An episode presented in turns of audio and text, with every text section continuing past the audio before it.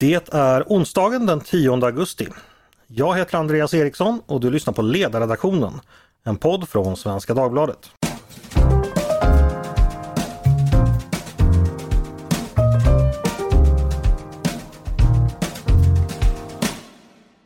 Varmt välkomna! Elpriserna är höga och högre ska de bli sägs det i vinter. Politikerna har diskuterat frågan flitigt. Dels vems fel det är att det har blivit som det har blivit och dels vad vi ska göra åt saken. Igår var det Moderaternas tur att komma med ett åtgärdspaket för vad som ska göras på kort och lite längre sikt. Mest uppmärksamhet fick förslaget att införa en tillfälligt högkostnadsskydd eh, på el. Det vill säga att staten ska gå in och betala delar av folks elräkningar eh, om de blir för höga. Ett lite kontroversiellt förslag skulle det visa sig. Eh, till och med på Svenska Dagbladets ledarredaktion där vi annars är väldigt sams och fridsamma blev vi jätteoense om förslaget. Eh, det fördes hetska diskussioner med varandra. Eh, vi ska återkomma till det men inte helt eh, lätt att veta hur man ska orientera sig med andra ord. Så om detta ska vi prata idag och om elfrågan i allmänhet. Och med mig för att göra det har jag Carl-Oskar Bolin som är näringspolitisk talesperson för Moderaterna och Rickard Nordin som är Centerpartiets talesperson för energi och klimatpolitik. Varmt välkomna båda två! Tusen tack för det! Tack så mycket!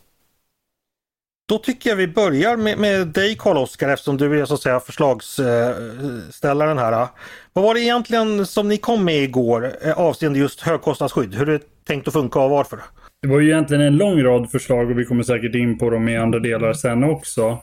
Eh, det vi föreslår nu det är ju som sagt då ett, ett högkostnadsskydd för egentligen för att skydda svenska hushåll mot konsekvenserna av den mycket dysfunktionella energipolitik som har bedrivits i Sverige under lång tid och som har gjort att vi är extremt exponerade mot resten av Europas energikris. Det vill säga, vi hade inte behövt vara i den här situationen om vi fortfarande haft, hade haft tillgång till en tillräcklig mängd planerbar elproduktion. Då hade inte de europeiska energipriserna eller elpriserna flutit in i Sverige på det sättet som de nu kommer göra i vinter.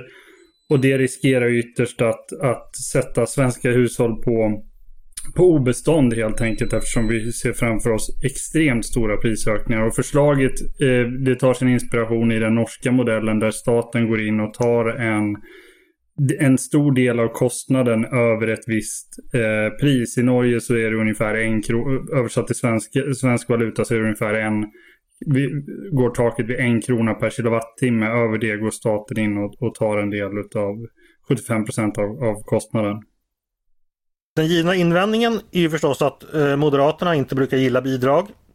Och inte gillar att skattepengar går till att hjälpa människor att betala räkningar utan man ska, man ska jobba själv och eh, ni vill andra, i andra fall vill ni ha bidragstak. Eh, varför är det annorlunda i det här fallet? Ja, men jag förstår den givna invändningen och, och, och, jag är inte heller någon eh, vän i grunden av den här typen av konstruktioner. Men det här är ju ett nödvändigt ont för att skydda människor mot skadeverkningarna av den politik som, som har bedrivits. Vi talar om en situation där där en vanlig villa kanske kan få en, en höjd elkostnad på någonstans mellan, mellan eh, 50 och 100 000 kronor under den här vintern. Inte till följd av så att säga eget klandervärt agerande från, från elkunden utan från klandervärt agerande från de politiker som haft ansvar för Sveriges energipolitik.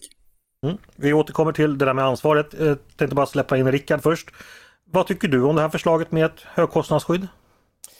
Ja, som man börjar så finns det ett antal förslag i Moderaternas paket som vi hoppas kommer tillbaka till som är faktiskt bra. Sånt som Centerpartiet har lagt fram under våren när vi pratar om effektiviseringar till exempel, slopad skatt på bioolja, kraftvärme och annat.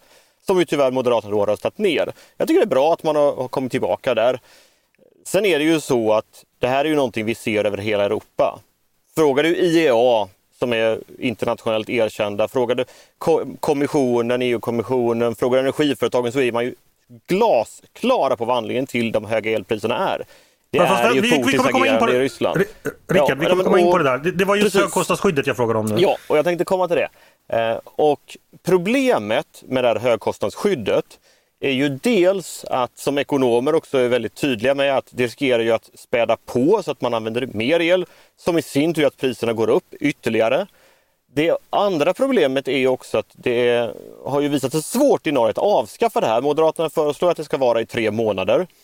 Och i Norge så har man ju snarare gjort så att man utvidgar det hela, man ökar det hela. Det är väldigt svårt att göra detta, att bli av med det hela. Och det sista är också att det inte det löser ju inte grundproblemet. Det blir inte lägre elpriser för att staten tar kostnaden utan det omfördelar ju snarare kostnaden från människor i norra Sverige till människor i södra Sverige och det omfördelar från människor med små bostäder till de med stora bostäder. Så det här är ju väldigt knepig politik från Moderaterna skulle jag säga, för att det går emot all logik rent ekonomiskt. Vi, vi, låter Moderaterna själva svara på det. Nu kom det tre punkter här. Det, det är svårt att avskaffa. Eh, det eh, löser inte grundproblemet och det, vad var det första du sa? Eh, det omfördelar ju från norra Sverige till södra ja, Sverige. Var, det också, och ja, från små bostäder till stora bostäder. Ja, precis. Och, och det riskerar dessutom att öka elkonsumtionen eftersom det ja. gör billigare. Karl-Oskar, vad svarar du på det? Men om, man, om man börjar bakifrån så får man ju konstatera att eh, eh, priselasticiteten eh, är mycket, mycket låg. Det vill säga människor, det har SNS kommit fram till i en rapport. På kort sikt så är priselasticiteten mycket låg. Det vill säga människor ändrar inte sin elförbrukning i någon större omfattning eftersom en väldigt stor del av människors elförbrukning, de som inte har uppvärmning via fjärrvärme, är ju uppvärmning av huset. Och sen så är det ju så här att jag menar när man lyssnar på den diskussionen så, så framstår det ju som att elen med det här högkostnadsskyddet ska bli, ska bli gratis. Det här handlar ju om att elen kommer fortfarande vara kännbart dyr i vinter. Det här högkostnadsskyddet skulle i så fall kicka in ungefär vid 2021 års eh, elpriser som alltså var en rekorddyr vinter. Det var ju inte så att människor för nöjes skull använde extra el under vintern, under vintern 2021. Så jag tror att den invändningen faller nog, eh, faller nog ganska platt i marken. Att det inte löser grundproblemet, det håller jag helt med Rickard Nordin om. Grundproblemet, det är att Rickard Nordin tillsammans med det övriga regeringsunderlaget har sett till att Sverige har lagt ner planerbar elproduktion. Både i form av kärnkraft och kraftvärme. Och det vi behöver göra nu på både kort och lång sikt är att se till att Sverige får mer planerbar elproduktion. Och i den övriga delen av det här förslaget så lägger vi ju också in åtgärder för att kunna nyttja den kraftvärme som vi idag har installerade i systemet men som inte används på grund av de skadliga skatter som den här regeringen, som bland annat Centerpartiet har stöttat, har lagt fram under den här mandatperioden och därmed se till att vi har mindre kraftvärme än eh, eh, än tidigare. Och sen svårigheten att avskaffa, absolut. Eh, det finns naturligtvis en sådan risk, men vi är mycket tydliga och transparenta med eh, tidsomfånget för detta redan från början och att det handlar om just nu att ta sig igenom en mycket, eh, en mycket eh, svår period som vi har, har framför oss. Eh, Okej, okay, eh, Rickard, vill, vill, du kommentera på det? Nu fick du lite mothugg, mothugg här. Ja, men grundproblemet är ju helt enkelt att vi producerar för lite. Det går att ju producera betydligt mer i befintliga kraftverk till exempel. Det handlar ju om vindkraften där då nätregler som sätter stopp. Det handlar ju faktiskt om kärnkraften också. I Forsmark kan man öka effekten. Och sen har ju Karl-Oskar rätt när det kommer till kraftvärmen. Där finns det potential kvar att jobba med. Och där har ju vi föreslagit att Svenska kraftnät ska använda en hel del av de pengar som man har fått in till att jobba med mothandel, det vill säga man köper upp kraft i befintlig kraftverk. Det skulle avsevärt sänka elpriserna. Så att här tror jag också det kan finnas saker som vi faktiskt kan komma överens med Moderaterna om. Jag tror att det vore välkommet. Får jag fråga dig Rickard, eh, om det, det pratas ju då eh, förfärliga siffror. Jag bor själv i hus som man brukar betala 25 000 per år då. Om det jag istället ska betala 75 000 så är det väldigt mycket mer. Centerpartiets lösning nu inför vintern eh, om jag då talar i väldigt egoistisk mening. Moderaterna vill betala mina elräkningar. Vad vill Centerpartiet göra? Ja, men för det första så vill vi ju se till så att du kan sänka elfakturan genom att använda mindre el där du inte behöver. Alltså, det går att göra ganska mycket med enkla åtgärder. Det är klart att det vore toppenbra om, du, om det är så att du har direktverkande el och kan konvertera det, men det är ju en större åtgärd. Men ta bara en sån sak som att byta ut dina tätningslister kan du spara närmare 1000 kilowattimmar på ett år. Det är rätt många tusenlappar och det får du ju varje år. Varje vinter får du de pengarna tillbaka. Det andra är att se till då så att vi nyttjar befintlig kraft bättre.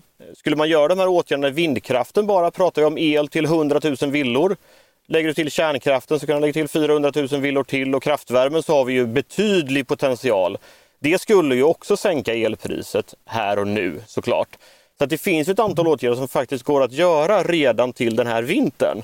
Och det borde ja, ju då, verkligen ta tag i. Då, då räknar jag med att du kommer hem och byter listor hos mig. Eh, Karl-Oskar, det finns eh, andra förslag också i det här paketet. Du, du har redan nämnt redan av, av dem och Rickard har redan hunnit berömma lite av dem. Kan du berätta för de som lyssnar, vad vill ni mer göra?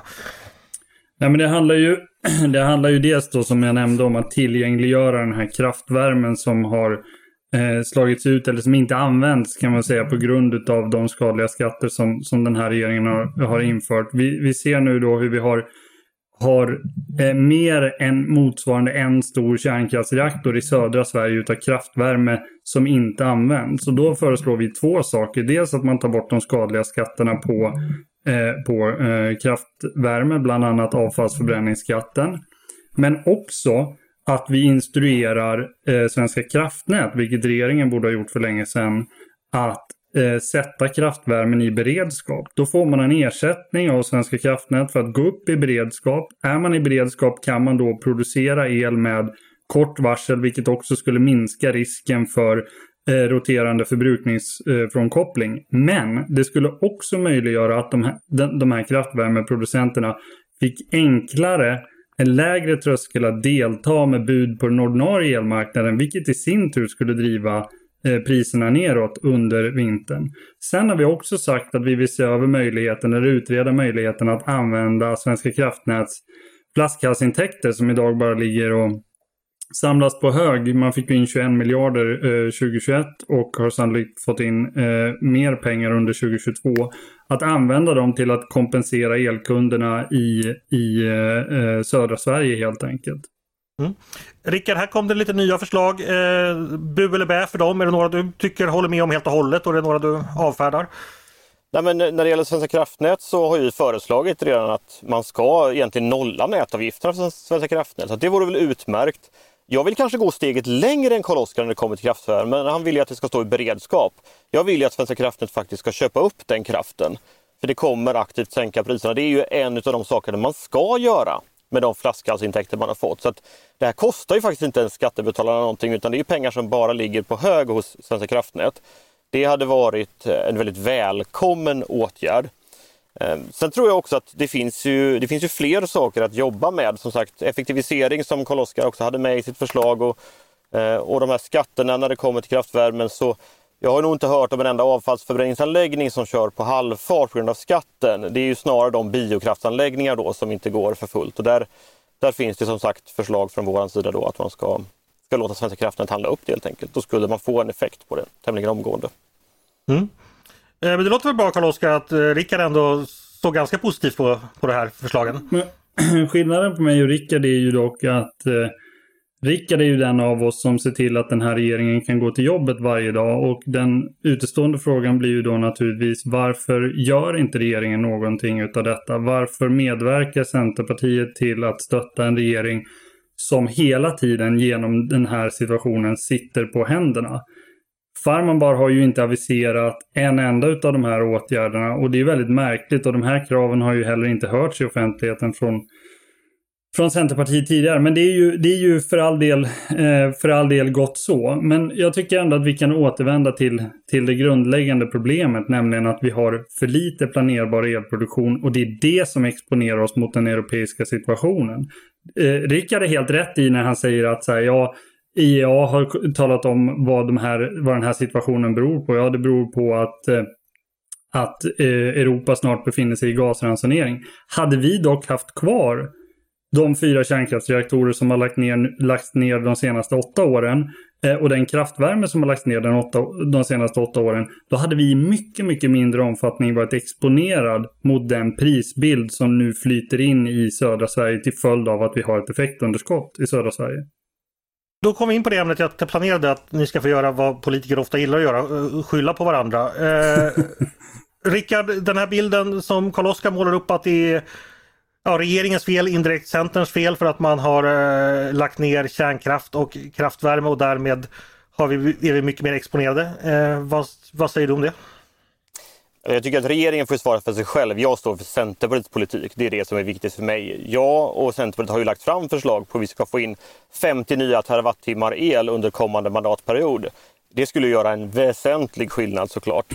Och när det kommer till eh, energipolitiken så är det ju så att eh, Karl-Oskars parti Moderaterna och Centerpartiet var ju helt eniga om den 2016 till 2019. Där man ju också accepterade då att det lades ner ett antal anläggningar eh, och det, jag kan beklaga det absolut. Men det var ju inte så att Moderaterna hade några andra förslag då utan det var ju när Vattenfall sa att det var tekniskt och ekonomiskt omöjligt att starta upp igen. Ja, men då började man ändra sig och det känns ju lite sent tycker jag. Sen ska vi ju komma ihåg att Sverige hade haft åtskilliga terawattimmar ytterligare om Finland hade haft igång sin kärnkraft. Den skulle ju varit igång 2009. Den är fortfarande inte igång för fullt. Vi exporterar alltså 15 terawattimmar. Det är 10 procent av Sveriges elproduktion i princip som går till Finland därför att de inte har löst sina problem. Så det är inte riktigt så enkelt som Koroska vill ha det till.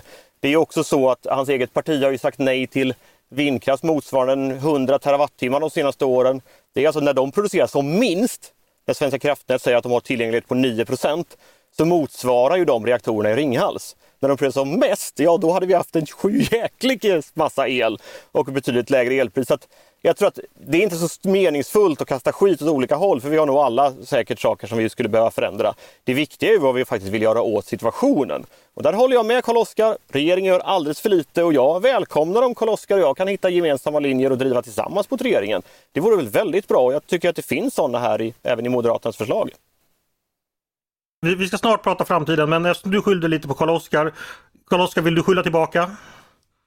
Nej, men så här, jag tycker inte heller man ska kasta skit på varandra, men däremot så behöver man ju vara saklig i diskussionen. Och det är en felaktig historieskrivning eh, att säga att vi accepterade kärnkraftsnedläggningar efter energiöverenskommelsen. Jag håller med om att det var ett misstag att ingå energiöverenskommelsen så som den kom att utvecklas. Men nedläggningsbesluten, de fattades som en konsekvens av den höjda effektskatten 2015. Det är hård fakta. Men sen är det också ett problem att Rickard hela tiden återkommer till att diskutera om, så att säga, om energi när problemet är att vi har effektunderskott under delar av året. Det vill säga de 50 terawattimmar som Rickard Nordin pratar om att han vill tillföra elsystemet, det är ju uteslutande oplanerbar elproduktion. Det vill säga, vi vet inte när vi har den här effekten tillgänglig och det är ju det som är Sveriges stora problem och det är det som exponerar oss mot Europa eftersom Europa har gjort i princip samma misstag. Det vill säga, när vi har för lite effekt här, ja då är, ser situationen likadan ut i stora delar av Europa och då blir vi beroende av att försöka balansera det med kol eller, eh, eller gas. Eh, alltså Sveriges problem är ju inte att vi har billig el när det blåser mycket. Sveriges problem är att vi har väldigt dyr el när det inte blåser och det är rimligen det problemet som vi bör försöka adressera och lösa. Och det kan man inte lösa genom att ensidigt bygga mer oplanerbar elproduktion. Mm. Vad säger du om det Rickard? Ni bygger bara, säger Karl-Oskar, för blåsiga dagar. När det inte blåser så står vi där med, med, med skägget i brevlådan. För Centerpartiets del så handlar det inte alls bara om väderberoende produktion. Eh, tittar på vad vi har föreslagit så handlar det ju väldigt mycket om biokraft. Det handlar ju om kärnkraften till exempel också. Det handlar ju om ökad effekt i vattenkraften också för den delen. Så att jag tror att Karl-Oskar får jättegärna läsa på för jag tror att det finns saker vi kan enas om. Eh, det hade varit bra om vi fick en större stabilitet i energipolitiken för det, det behövs ju. Jag har jättegärna nya energisamtal och jag tror som sagt att det finns saker som som vi kan enas om, inte minst kring kraftvärmen och, och säkert kring andra kraftslag också. Okej, eh, nu tänkte jag vi ska bli lite konstruktiva. Och nu undrar jag hur respektive parti tänker lösa elförsörjningen på, vi har pratat om vintern nu, vi kan kanske titta lite längre sikt, medellång sikt 2023, 2024, 2025. Och dels hur ni vill lösa problemen om man får riktigt lång tid på sig, säg 10-15 år framåt. Eh, vem känner för att börja? Nej, men jag kan eh, dra igång. Ja, eh, vi har ju som sagt lagt fram en plan för 50 nya terawattimmar nästa mandatperiod. Det handlar ju då om mer effekt i kärnkraften. Det finns potential att ta ut mer i Forsmark om man löser nätfrågorna där. Samma sak när det gäller vindkraften, finns mer effekt.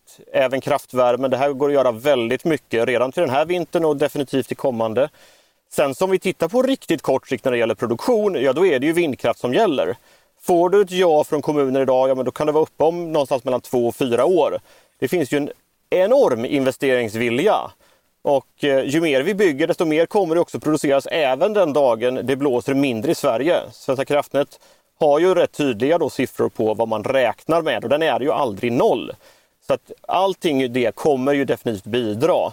Sen får vi inte glömma bort, och det är väl det som blir problemet, vi pratar så himla mycket om produktion, men saker som överföring till exempel är otroligt underdiskuterat och samma sak med lagring och annat. Det finns mycket kvar att göra på de temana som ju dessutom ofta är lönsamt.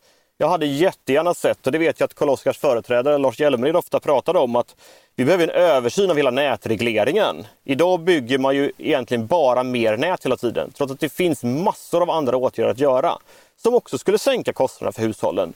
Så att det finns betydligt mer att göra och, och jag menar sen får vi komma ihåg att det här ska också vara marknadsmässigt. Så drar du ut tangentens riktning, ja men, ja men låt marknaden då bygga vad man kommer fram till. Det är inte brist på investeringsvilja som finns idag.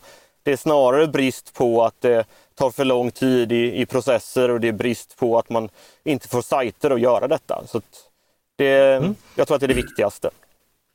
Då får Karl-Oskar svara på samma sak. Vad vill Moderaterna göra på några års sikt och vad vill göra om ni får riktigt lång tid på er? Mm. Eh, om jag börjar med den eh, lite eh, kortare sikten då så handlar det ju om att utöva någon typ av eh, HLR på, på, det svenska, på den svenska elproduktionen och det svenska elsystemet. Och det handlar ju mycket om det jag nämnde tidigare, att aktivera så mycket eh, installerad eh, planerbar effekt som vi faktiskt har i systemet. Och då handlar det framförallt om att få igång mer kraftvärme på kort sikt men också se till att den elproduktion som ligger i pipe för att byggas ut Eh, kan göra det. Eh, det som är den verkliga skiljelinjen, eller det här är ju för all del också en skiljelinje gentemot den nuvarande regeringen, men det är ju att vi nu för första gången sedan kärnkraftsomröstningen har ett regeringsalternativ helt utan kärnkraftsmotståndare. Det har ju varit svensk energipolitiks stora hämsko att varje regering sedan kärnkraftsomröstningen har varit beroende av ett eller flera kärnkraftsmotståndarpartier. Nu är alla kärnkraftsmotståndare samlade i ett och samma vänsterblock eh, medan eh, vi på den borgerliga kanten har förutsättningar att för första gången på mycket länge verkligen göra någonting för att bygga mycket ny kärnkraft i Sverige. Och med anledning av det så har ju vi eh, lagt fram eh, det kanske största reformpaketet sen, sen kärnkraften byggdes ut i, i Sverige i form av att skapa eh, politiska förutsättningar för ny kärnkraft, ekonomiska förutsättningar för ny kärnkraft och legala förutsättningar för ny kärnkraft.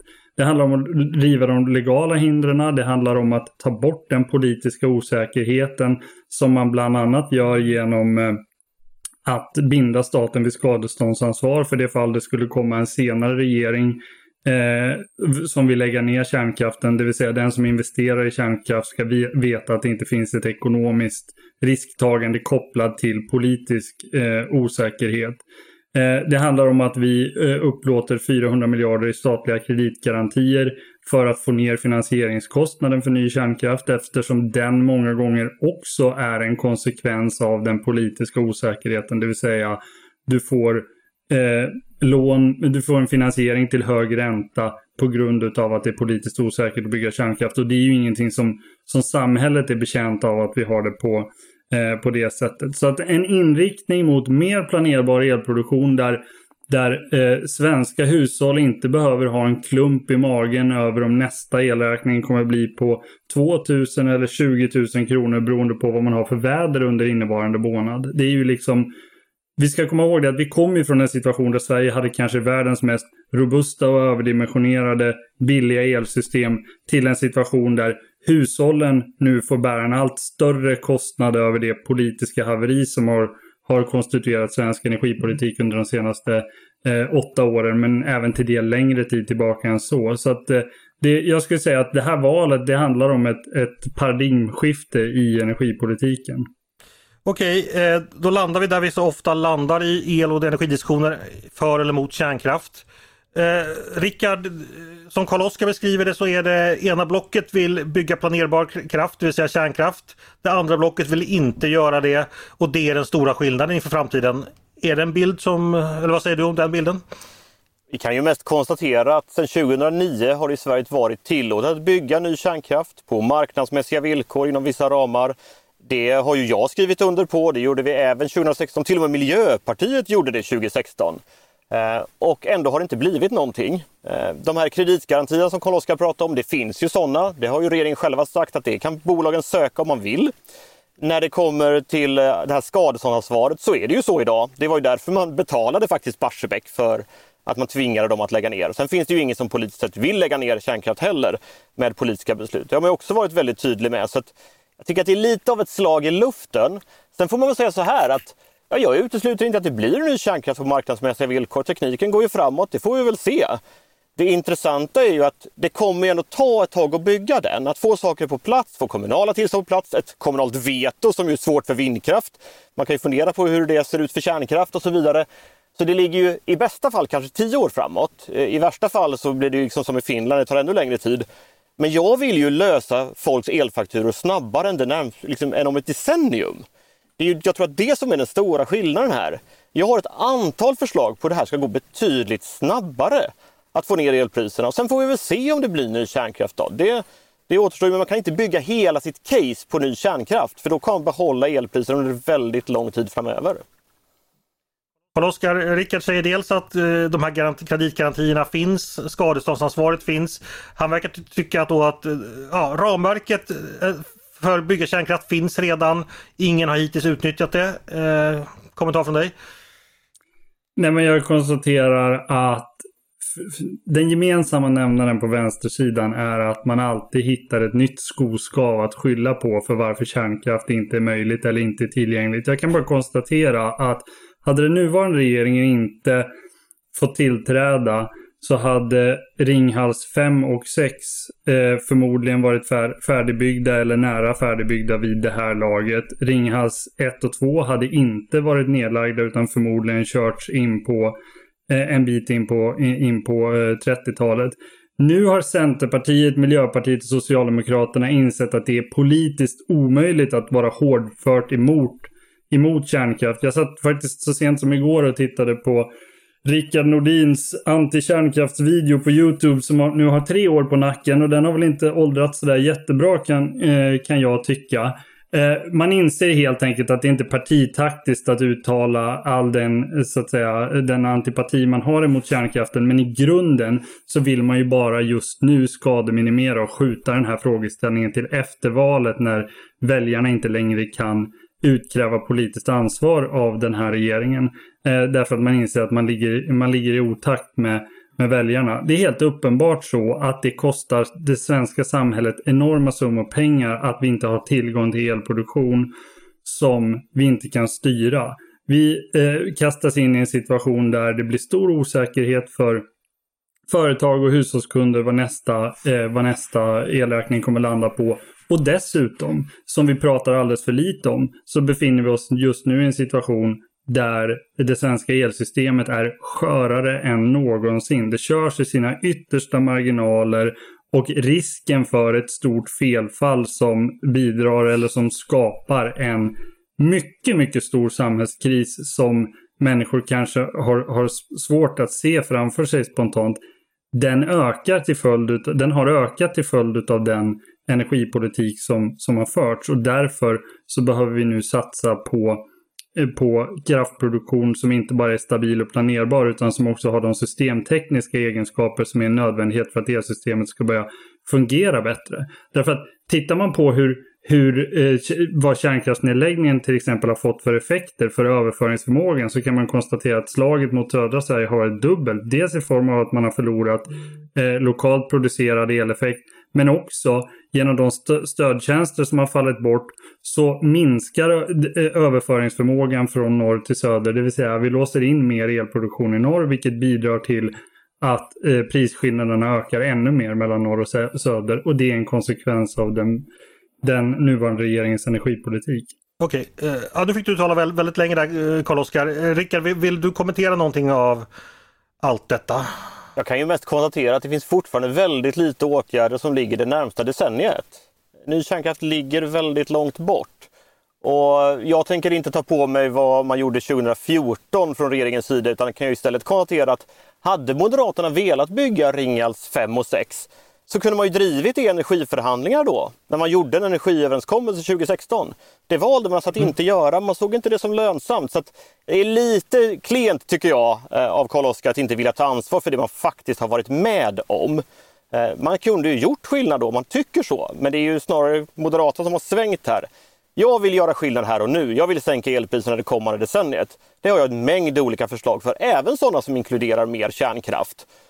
Det tycker jag vi ska genomföra, för det tycker jag vi är skyldiga svenska folket.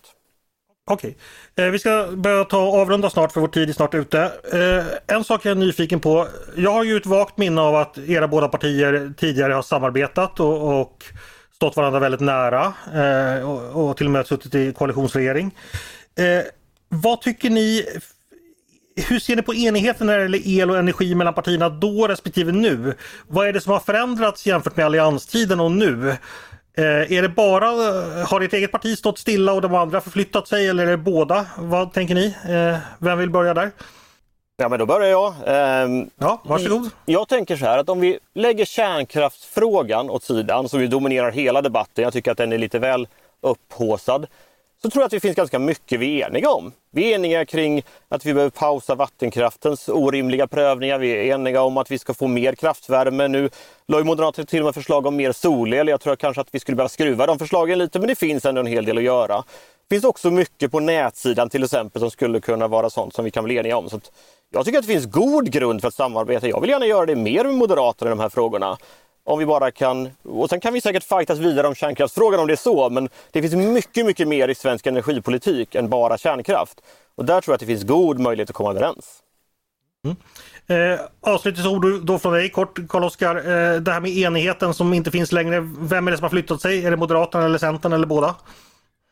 Nej men det är väl så här att det har alltid funnits, eller under väldigt lång tid i alla fall, en grundläggande oenighet om, om, om synen på kärnkraft. Och sen är nog skillnaden eh, 2009 jämfört med idag att vi befinner oss i en situation där eh, vi har ett mycket, mycket mer dysfunktionellt elsystem som inte levererar det vi, eh, vi vill ha. Under 2009 så var eh, skadeverkningarna utav den så att säga tangentriktning som Centern och Socialdemokraterna vill, vill eh, dra politiken i. Den var inte synlig och inte kännbar därför att vi hade inte lagt ner eh, de senaste fyra eh, kärnkraftsreaktorerna. Då hade vi, hade vi bara stängt eh, två reaktorer. Det hade inte eh, fått samma påverkan på systemet. Nu är effekten av politiken eh, väldigt mycket tydligare. Behovet av att, att göra någonting åt detta är skriande och enormt eh, stora. Och då blir också så att säga det som är pudens kärna i det här. Synen på eh, kärnkraften som, som energislag, den kommer naturligt att ställas mitt i rummet därför att det är där just nu den, den politiska striden inom energipolitiken står. Det finns enigheter och oenigheter på andra områden också som, som, som Rickard nämner. Men det här är ju den allt annat överskuggande frågan just nu som också, tror jag, det här valet till stor del kommer att handla om. Okej, eh, stort tack Carl Oskar Bolin och Rickard Nordin för att ni ville komma och prata med mig idag. Tack! Tusen tack! Och ni som har lyssnat eh, rekommenderar också att lyssna på vår eh, fredagspodd den här veckan för då som jag nämnde inledningsvis så har det ju blivit bittra motsättningar på redaktionen kring just Moderaternas förslag. Och då ska jag försöka tussa ihop mina kollegor Peter Wennblad och Mattias Svensson som har diametralt olika åsikter om hur det kloka är det här. Och glöm Oasis vs Blur. Eh, glöm Apollo vs Rocky, glöm Patton vs Montgomery. Det här kommer bli en fight ni inte vill missa. Så den får ni jättegärna lyssna på på fredag alltså. Men idag har ni ju lyssnat också på Ledarredaktionen, en podd från Svenska Dagbladet. Ni är varmt välkomna att höra av er till oss på redaktionen med tankar och synpunkter på det vi har precis diskuterat. Eller om ni har förslag på saker vi ska ta upp i framtiden. Maila då till mig eller till oss på ledarsidan snabla svd.se. Dagens producent, han heter Jesper Sandström. Jag heter Andreas Eriksson och jag hoppas att vi hörs igen snart.